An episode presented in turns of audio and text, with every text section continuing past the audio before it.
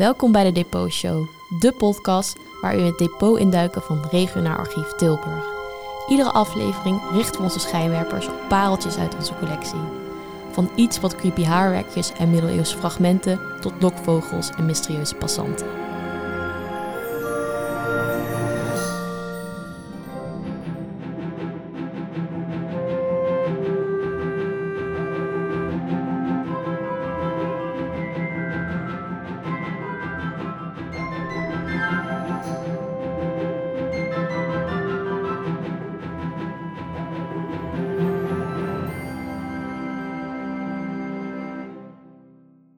Welkom bij deze tweede aflevering van de Depot Show. Mijn naam is Sterre Klink, ik ben jullie host. En vandaag ben ik met onze adviseur dienstverlening en archief, Luut de Brouwer. Welkom Luut. Hallo. Leuk dat je er bent. Ehm, en we gaan het vandaag hebben over de muurkrant. En als ik heel eerlijk ben, eh, kom ik die wel eens tegen in onze beeldbank. En dan scroll ik er eigenlijk altijd overheen. Dat is niet zo mooi. Nee, sorry. Maar vandaag ga je ons wat meer vertellen, Luut. Kan je, kan je eens vertellen wat het eigenlijk is, die muurkrant? Ja, dat is, dat is goed. Eh, de muurkrant, ik heb het even opgeschreven, want uh, dat is een hele ingewikkelde uh, definitie. Dat is een, een door niet-journalisten geschreven en getekende, op een muur in de publieke ruimte geplakte krant, gewoonlijk met kritiek op de gevestigde orde. Oké, dus als ik het goed begrijp, is het geen officiële krant, maar meer een manier om problemen en misstanden aan de kaak te stellen. Ja, dat klopt. Er ontstond een groeiende behoefte om de kritiek op de samenleving ook op een andere manier naar buiten te brengen. Dan alleen met acties en demonstraties.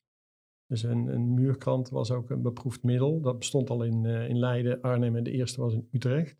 En ze kwam voort uit de protestbeweging. Die ontstond in de jaren 60. En in Tilburg was er die ook al eentje.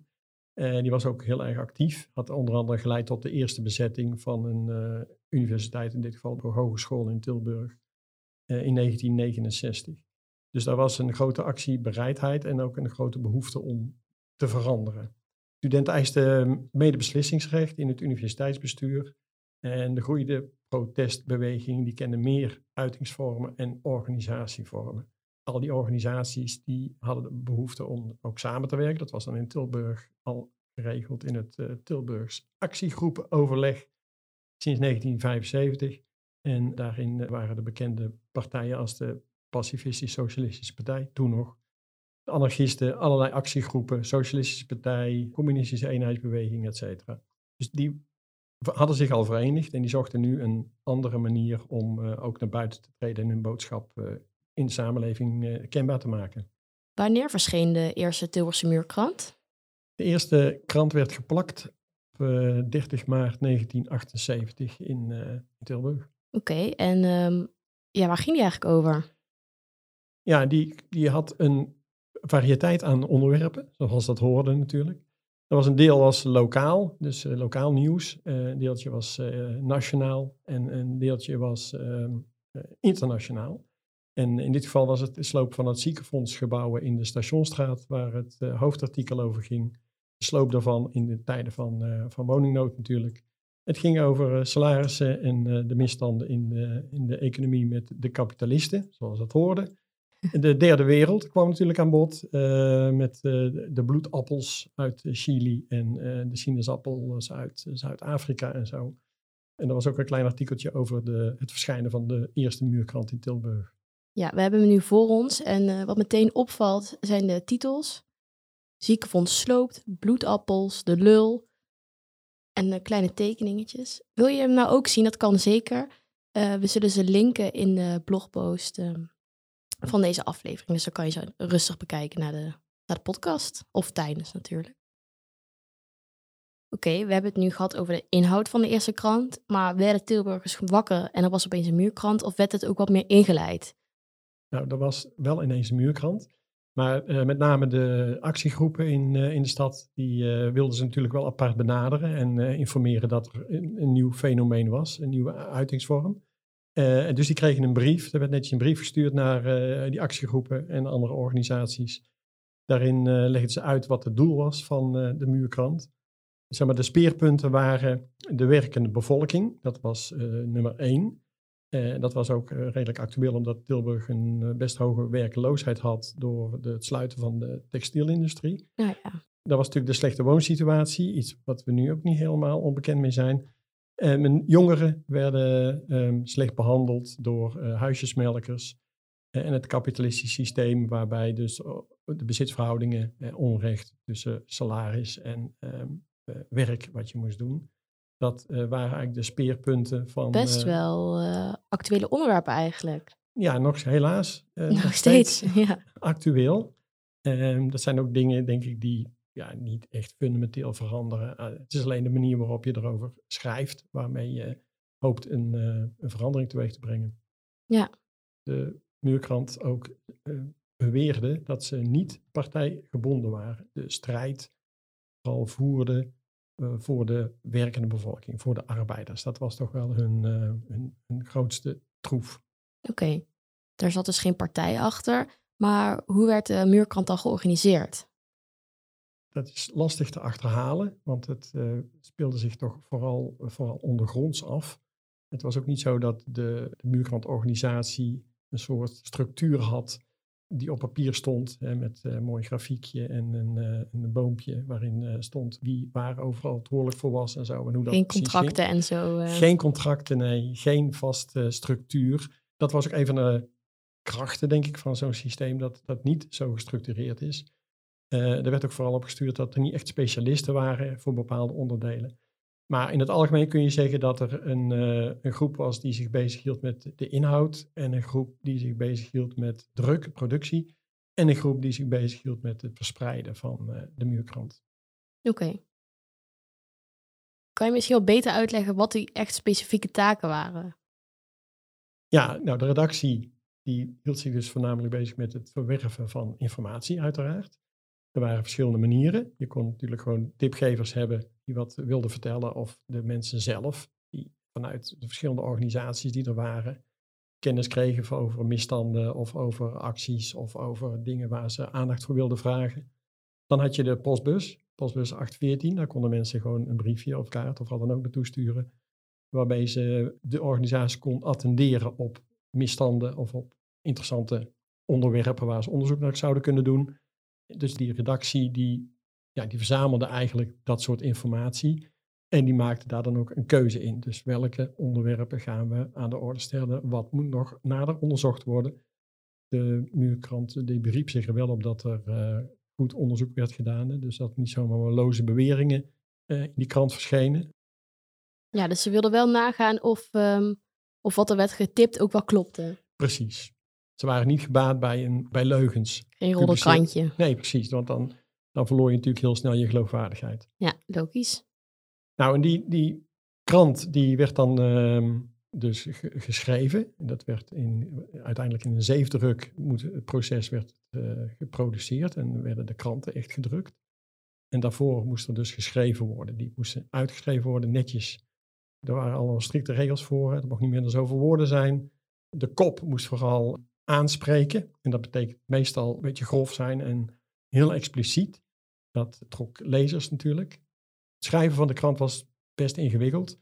Ja, je had maar beperkte ruimte en dan moest je wel al die informatie in kwijt. Dus daar werd goed over nagedacht, over de, de layout eigenlijk van de krant en hoe, hoe groot de, de koppen mochten zijn en noem maar op. Zodat je de informatie die je kwijt moest op de oppervlakte wel goed gedeeld kreeg. En, en ook niet dat je gekke afbrekingen kreeg of wat dan ook. Dus dat was best een ingewikkeld proces. Dat is misschien ook wel goed om even aan de luisteraar uit te leggen of te beschrijven hoe zo'n muurkant er nou precies uitziet. Dat is best wel een groot ding, hè? Ja, dat klopt. Hoe, breed zou je zeggen? Ik denk dat die... Sowieso wel een meter, toch? Ja, ik denk wel een meter twintig of een meter dertig breed was. En uh, ja, ongeveer, ik denk 80 hoog. Ja, dat is echt heel groot. Dus je moest hem wel van, vanaf een eindje op straat wel uh, zien. Daarom moesten die koppen ook zo groot. Hè? Je moest er echt naar toegetrokken worden om, uh, ja, om even te gaan lezen. Ja, dat was inderdaad de bedoeling. Ja. Ik ben eigenlijk ook wel een beetje benieuwd naar dat, naar dat drukproces. Want je had het net al over een zeefdruk. Ja, ja daar, weet, daar weet ik dus verder niet, niet heel erg veel van. Ik ken de techniek eigenlijk niet. Ik zal ongetwijfeld een keer het proces gezien hebben. Niet zozeer bij de muurkranten, dan wel uh, ergens anders. Hoe dat werkt met zeefdrukken, uh, dat weet ik niet. Maar er was dus ergens een drukkerij in Tilburg. was op een geheime locatie. Dat wil zeggen, de drukkers wisten uiteraard waar die was. Maar voor de rest werd dat angstvallig eh, geheim gehouden. Eh, dat was überhaupt wel een eh, onderdeel van, het hele, van de hele muurkrantorganisatie. Dat je met zo weinig mogelijk informatie zoveel mogelijk moest zien te bereiken. Dus je kende heel weinig mensen als je met z'n tweeën plakte, dan kende je je medeplakker. En dat was dan wel zo'n beetje. Zo'n redactie ook. En die schreef, dat waren ook maar een paar mensen. En ja, die kenden elkaar dan wel. Of de ene kende de ander wel of niet. Maar dat was niet een, een organisatie waarvan je zo bij iedereen binnenliep en, uh, en wist wat ze precies deden. Je kon ook mensen gewoon tegenkomen op straat. Die bij de muurkant zaten, maar die kende je niet en die kenden jou ook niet. Klinkt allemaal wel heel spannend. Het was een enorm spannend avontuur, inderdaad. Nou ja, goed, het was natuurlijk een, een hele andere tijd je anonimiteit was wel belangrijk en dat was om meerdere redenen belangrijk. Uh, A, natuurlijk om niet opgepakt te worden en te verzanden in uh, eindeloze processen met uh, de gevestigde orde. Mensen die ze je aan wilden klagen voor smaad of voor, voor andere dingen die, die alleen maar hoop tijd kosten, maar niks productiefs opleveren. En het tweede was dat ook de eventuele tipgevers, want die waren er natuurlijk wel, klokkenluiders zou ik maar zeggen, zouden we die nu noemen, dat die ook erop konden vertrouwen dat hun informatie geheim bleef. En liever gezegd dat hun naam uh, en positie geheim bleef. Want uh, er zijn wel uh... voor, voorbeelden van mensen die ook ontslagen zijn, omdat vermoed werd dat ze geklikt hadden. Ja, dat kan me wel voorstellen dat bedrijven niet erg blij waren als er opeens gevoelige informatie in de muurkrant stond over, over het bedrijf. Nee, dat wilde iedereen voorkomen. En vaak ging het dan natuurlijk ook echt niet om, om kleine zaakjes dus als iemand naar uh, de muurkrant toestapt met informatie, dan, dan ging dat nooit over zeg maar, gestolen fotokopieerpapier. dat, dat ging ook wel over andere dingen, vaak met salarissen ja, dus en onderdrukking. Wel, uh, grote, grote dingen. Ja. Um, je zei het net al eigenlijk even, hè? het is een beetje tussen neus en lippen door van dat het wel gevaarlijk was voor, uh, voor de plakkers, maar dat hebben we eigenlijk nog helemaal niet zo goed verteld. Nee, dat klopt. Ja, het, het was ja, gevaarlijk zeg ik, ik heb zelf ook een, uh, een tijdje geplakt. Oh. Ik heb dat niet beschouwd als iets gevaarlijks. Uh, je moest natuurlijk wel uh, alert zijn. Je deed het ook het liefst heel laat op de avond. Ja, goed, ik heb ook nooit te maken gehad met het risico van iemand die mij of ons zag plakken. Of die de, dreigend op ons afkwam. Of de politie die, die op ons afkwam. Je niet betrapt? Nee, ik ben nooit betrapt. Maar er zijn natuurlijk wel voorbeelden van plakkers die wel opgepakt zijn en, uh, en een nachtje in de cel moesten zitten. Want even voor duidelijkheid, die, die muurkranten die werden in de openbare ruimte geplakt. En in de openbare ruimte heb je een aangewezen plek waar je adviesjes mag opplakken en posters. En naar buiten mag het eigenlijk niet. Dus dat, dat was het ding. Hè? Je mocht niet overal zomaar maar plakken en dat deden jullie wel. Dat deden wij wel, ja. um, en, en dan liefst natuurlijk op plekken die goed in het zicht stonden. Hè? Dus niet uh, achteraf straatjes of in een steegje. Want daar kwam niemand langs. Je, ja. het moest natuurlijk wel op een zichtbare plek geplakt worden. Logisch. En daar waren ook wel uh, regels voor. Dat wil zeggen, je ging niet bij particulieren plakken. Want dan kon je gewoon problemen verwachten natuurlijk. Dat is ook wel logisch. Dat Ja. zou niemand willen. Het ging voornamelijk om uh, openbare gebouwen. Dus het ging om scholen. Het ging om elektriciteitshuisjes. Die waren heel erg populair. Want die hadden een hele mooie zijkant. Die mooi glad was. En uh, waar je heel goed kon, plakken. goed plakken, ja. En die stonden ook meestal gewoon vrij. En op een aantal uh, plekken stonden die echt goed in het zicht van uh, de mensen. Ja, je vertelde net dat je hebt geplakt bij de muurkrant of voor de muurkrant. Maar hoe ben je eigenlijk betrokken geraakt? Ja, daar heb ik over nagedacht, maar dat heb ik niet meer kunnen achterhalen. Dus ik, ik, weet niet precies op welk moment ik nou of benaderd werd of me, me kenbaar maakte dat ik wel mee zou willen doen.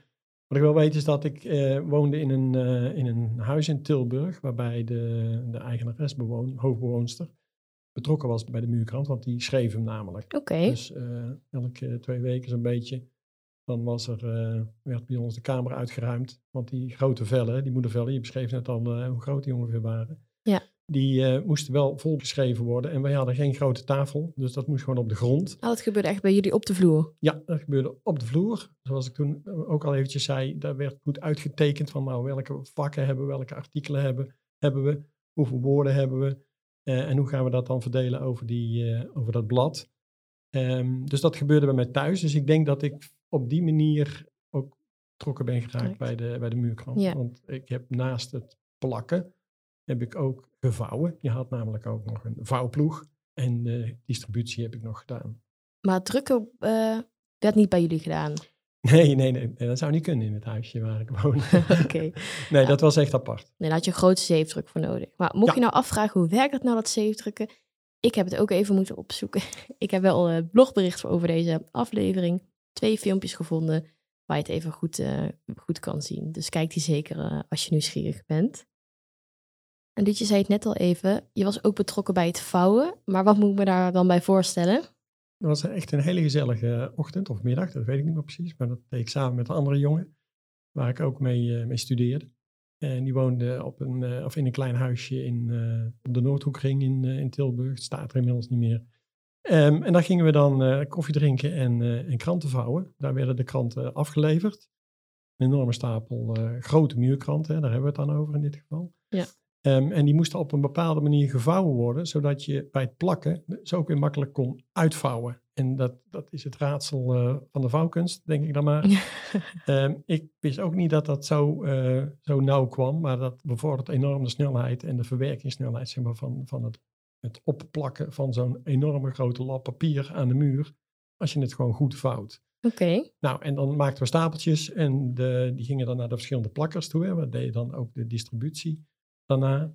Eh, en ik weet ook nog dat ik eh de archief, het gemeentearchief Tilburg toen nog als klant had, waar ik ook de muurkrant moest afleveren. ah, dus zo komen wij aan de muurkrant. Ja, Inderdaad, ja. leuk. Wat je hebt ze gewoon zelf afge- afgeleverd. En toen Ja. werkte hij nog niet bij ons. Nee, nee, nee. Ver. Oké, oké. Ik vind dat wel een mooi weetje.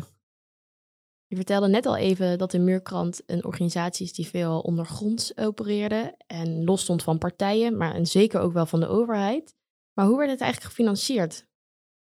Ehm, nou, daar, daar waren verschillende geldstromen mogelijk. Ik weet wel in de informatie die we hebben over het ontstaan van de muurkrant en het opzetten van de muurkrant. Hè, daar zijn dan ook wat, eh wat stencils over beschikbaar. Ja.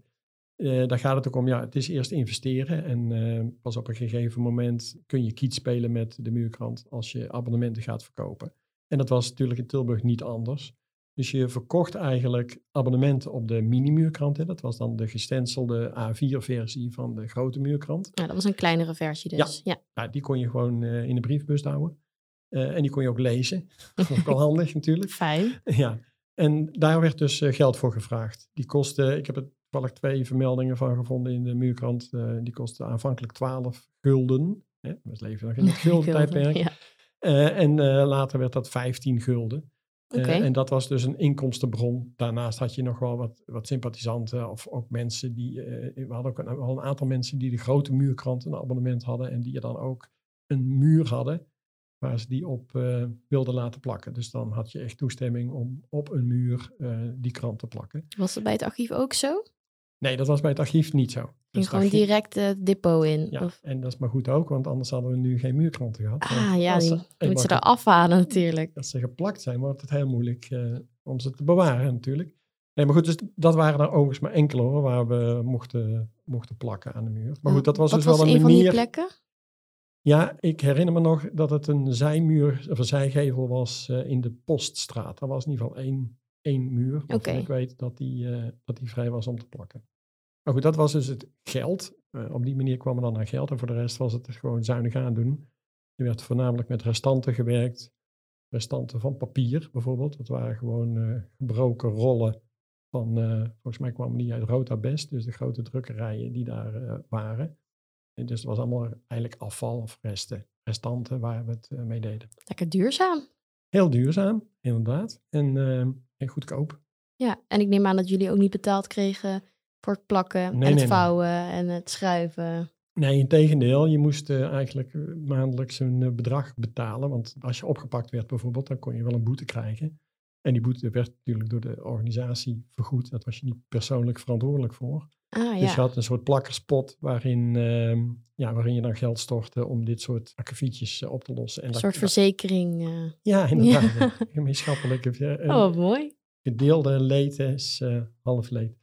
Dus de, de, daar was er wel. Ja, goed. En er waren misschien nog wel wat meer mensen die er wel wat geld in staken. Dat Ja. weet ik dan verder niet. Ik weet ook niet wie de financiën deed. Nee, precies. Geheime organisatie, hè? Ja. Het wordt tijd dat we eens echt naar de muurkant gaan kijken.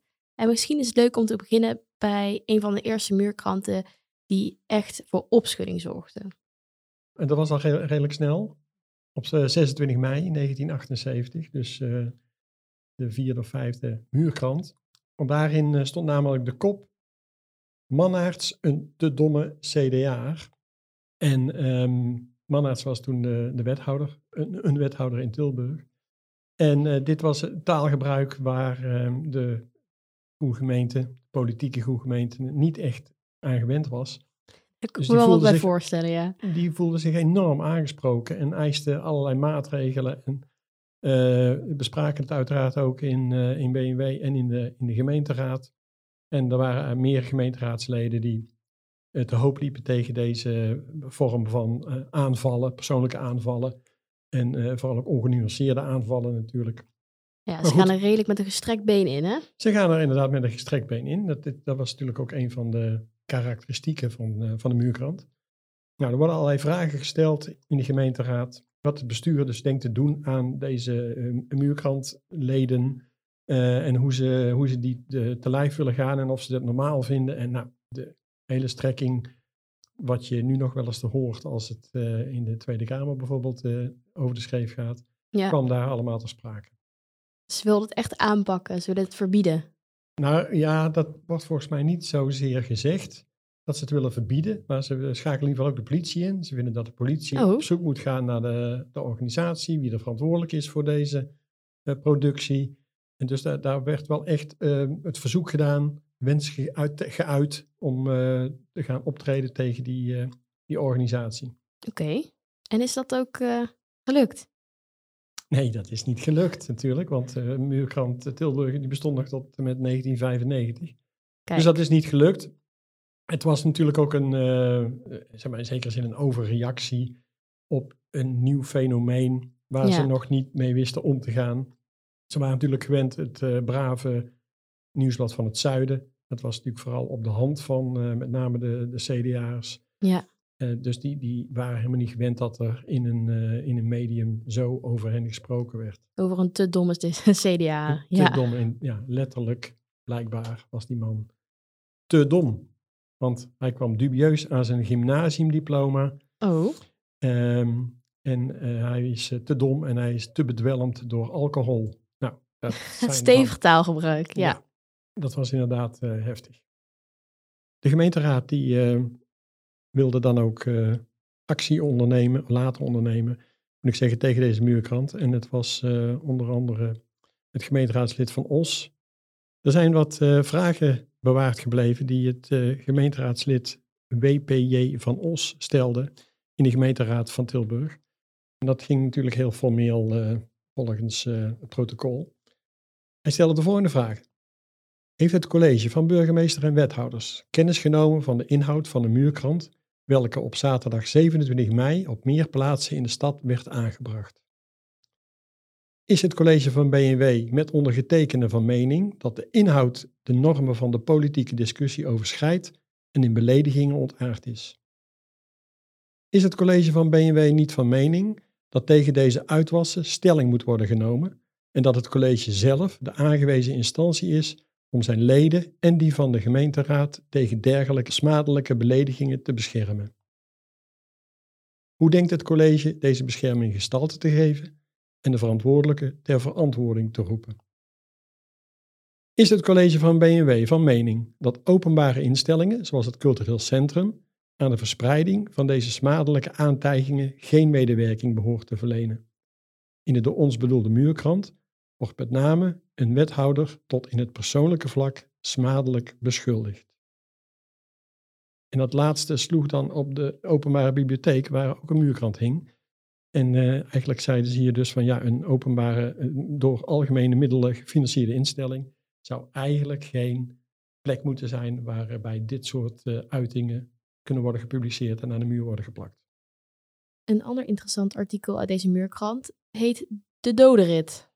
Ja, dat klopt. Dat is een langjarig terugkerend thema in zowel de muurkrant als ook in de gewone krant zeg maar, van Tilburg. Want dat ging over de gloortrein die ehm, wekelijks door Tilburg rijdt. En ja, in potentie natuurlijk een enorm gevaarlijk eh, activiteit is die, als er ongelukken gebeuren, dan, ja, dan kan dat heel veel consequenties hebben voor heel veel inwoners, omdat het waanzinnig giftig spul is, dat chloor. Dus die zaten in de, in de treinwagons? Die zaten in de treinwagons, ja. En die reden vanuit het Botlekgebied bij Rotterdam naar, ik denk naar ehm, Duitsland, naar het Roergebied, vermoed ik.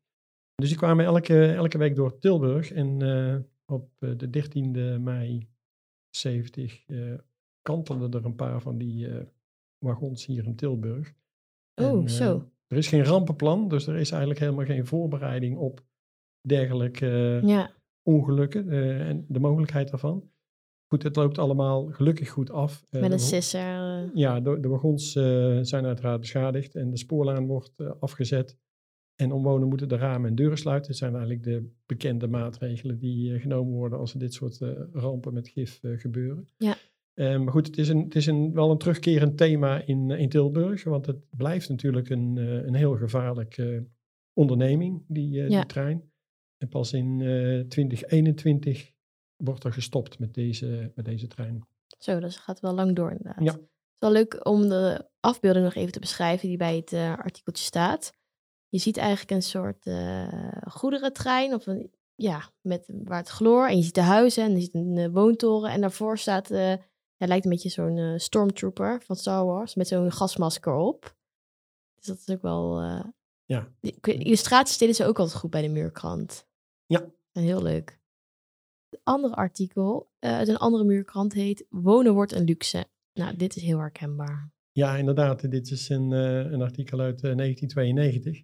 In het muurkrant wordt regelmatig wonen het uh, woonprobleem, hè, de het woningtekort, uh, de stijgende huren, noem maar op, alle ja, vraagstukken waar we nog steeds mee kampen, wordt aangekaart. En ook in deze krant van uh, eh, 1992 wordt nog een keer uitgelegd hoe exponentieel eigenlijk de prijzen voor wonen gaan toenemen.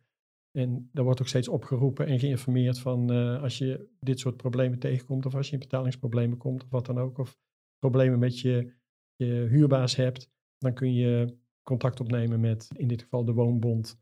Maar je hebt meer organisaties die je daarvoor kunt uh, benaderen. Ja, dus ik geef ook echt tips in dit artikel. Ja, inderdaad.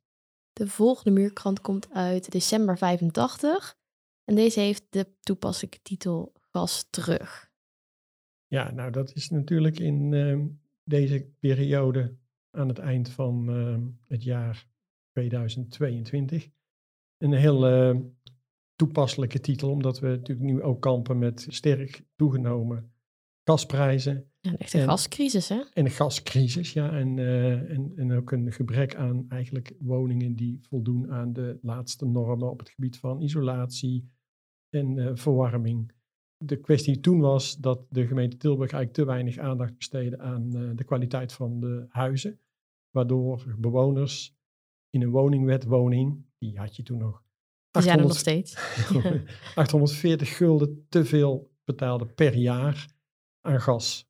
Puur omdat ze niet voldeden aan de strengere normen voor uh, isolatie. Dus die kwestie van voldoende woningen, maar ook goede woningen, kwalitatief goede woningen, is natuurlijk ook een, een terugkerend thema in de muurkrant. Ja, voor deze podcast heb ik zelf natuurlijk ook eventjes naar verschillende muurkranten gekeken. En dit was misschien wel een van mijn favorieten. Deze heet uh, in Sint-Elisabeth, bedrog met tricks. En dan hebben we het over Beatrix, prinses Beatrix nu. Er werd het nieuwe Elisabeth ziekenhuis geopend in Tilburg. Dat lag toen op de plek waar het nu nog steeds ligt. Hè. Dat, was de nieuwbouw. En uh, koningin Beatrix zou dat gaan uh, openen. In dezelfde tijd speelden, hoe herkenbaar, ook allerlei bezuinigingen op gezondheidszorg, verpleegkundigen, eh, de salarissen waren ook niet, uh, niet al te best toen. En de, de opstandige verpleging en, en, en, artsen die daar werkten in, uh, in het Elisabeth ziekenhuis, die deden dat wel vooral uh, ondergronds. Dat was geen, die stonden niet vooraan te demonstreren. Maar die riepen wel op tot een demonstratie bij het openen van het ziekenhuis. En ik ben daar zelf ook nog bij geweest. Oh. Um, en dat was een ja, voor Tilburgse begrippen denk ik toch best een heftige uh, demonstratie. Waarbij ik ook moet zeggen dat de politie zijn uiterste best deed om de zaak op een fatsoenlijke manier in de hand te houden. En dat is uiteindelijk ook gelukt. Dus daar zijn uh, dat mooi. geen, uh, gelukkig geen, geen gekke dingen gebeurd. Eh, maar ehm, goed, er is wel duidelijk geworden dat het feest van eh, de heropening van het nieuwe ziekenhuis, dat het ook een zwart randje had. Ja, want er zat ook een aardig prijskaartje aan, toch? Daar eh, zat inderdaad een eh, behoorlijk eh, prijskaartje aan, want de kosten voor het openingsfeest waren 600.000 gulden. Zo. En dat was in 1982 toch echt een behoorlijke som geld. Ja, en mijn favoriete stukje in het artikel is het stukje over de wc. Want koningin Beatrix kreeg dus een eigen wc, die helemaal privé alleen voor haar was tijdens de opening. Klopt, ja. En daar hebben we in Tilburg ervaring mee, want we hebben ook nog steeds bij het archief, eh, of in de collectie van het Stadsmuseum zal het inmiddels zijn, de wc van Wilhelmina, toen die hier kwam in, eh in 20e eeuw. had die Ah, ook kijk. een eigen wc. Die nooit gebruikt is overigens. Tenminste niet door Wilhelmina. Een mooi weetje. We hebben net een aantal muurkranten bekeken. En wat opvalt is dat ze eigenlijk nog steeds de onderwerpen die ze bespreken heel actueel zijn, heel herkenbaar. Ehm, en de muurkant is dan ook echt wel een bron die ja, heel goed laat zien wat er speelde in Tilburg. Vanaf eind jaren 70 tot, hoe lang? Tot 1995. Tot 19. in 1995. Ja, kijk. Maar dan stoppen ze ermee. En waarom eigenlijk? Ja, nou, eh, ik wil eerst nog eventjes ingaan op wat je zo zegt. De muurkrant is natuurlijk een eh, zeker een belangrijke bron voor het andere geluid. De archieven bevatten voornamelijk informatie van de gemeente, ja, van Ja. de gemeentelijke overheid. Daar zit dan ook wel de krant bij, de minder kritische krant, zoals uh, Nieuwsblad van het Zuiden en Brabants Dagblad nu. Dus dat is altijd mooi als dat ook aangevuld wordt met eh, andere geluiden uit de samenleving, ja, die ook gegolden hebben en die ook recht van spreken hebben Zeker. en gehoord moeten worden. En daardoor krijg je ook een completer beeld van een samenleving natuurlijk, als je de verschillende kanten en de verschillende geluiden Ja. eh, laat horen en, en weet te vinden. En dat gold uiteraard ook voor de muurkrant. Maar goed, de muurkrant liep inderdaad wel eh, op zijn eind. En dat was eh, in 1995. Toen stopte het er helemaal mee. En het is eigenlijk al vanaf 1990 langzaam minder geworden. De frequentie van verschijnen wordt minder. Er komt een nieuwe generatie voor de muurkrantenorganisatie. De wereld verandert natuurlijk ook gewoon. We zitten dan ook net in de opkomst van eh, internet. Hè? Dus er komen ook Ja. hele andere publicatievormen waarin je je ongenoegen of je grieven kenbaar kunt maken. En dat, eh, dat geheel heeft ervoor gezorgd dat eh, de muurkrant in 1995 tot een eind is gekomen, dus gestopt is om te verschijnen. Het is wel de langst lopende muurkrant eh, van Nederland geweest. Eh, ook nog een aardig weetje is dat Loesje, bekende Loesje, een voortzetting is van een muurkrant in Arnhem. Ah, kijk. Ehm, dus de muurkrant traditie en het plakken op de muren is natuurlijk een, eh, iets wat, wat nooit verloren gaat. Nee, precies. Mooi. Nou, Luut, dankjewel. Nou, graag gedaan. Ik vond het een hele leuke aflevering en eh, bedankt. Tot slot, heel veel dank aan Ding Dong voor het logo en design en aan Job van Etten voor de mooie muziek.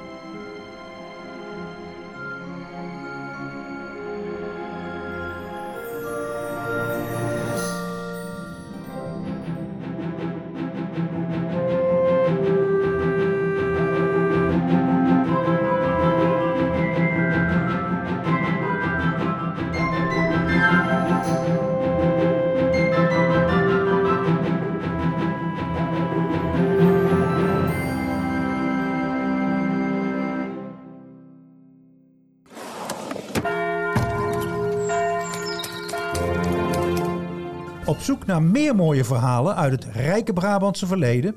Luister dan ook eens naar Het Geheugen van Brabant. De podcast van het Brabants Historisch Informatiecentrum in Sertogenbos.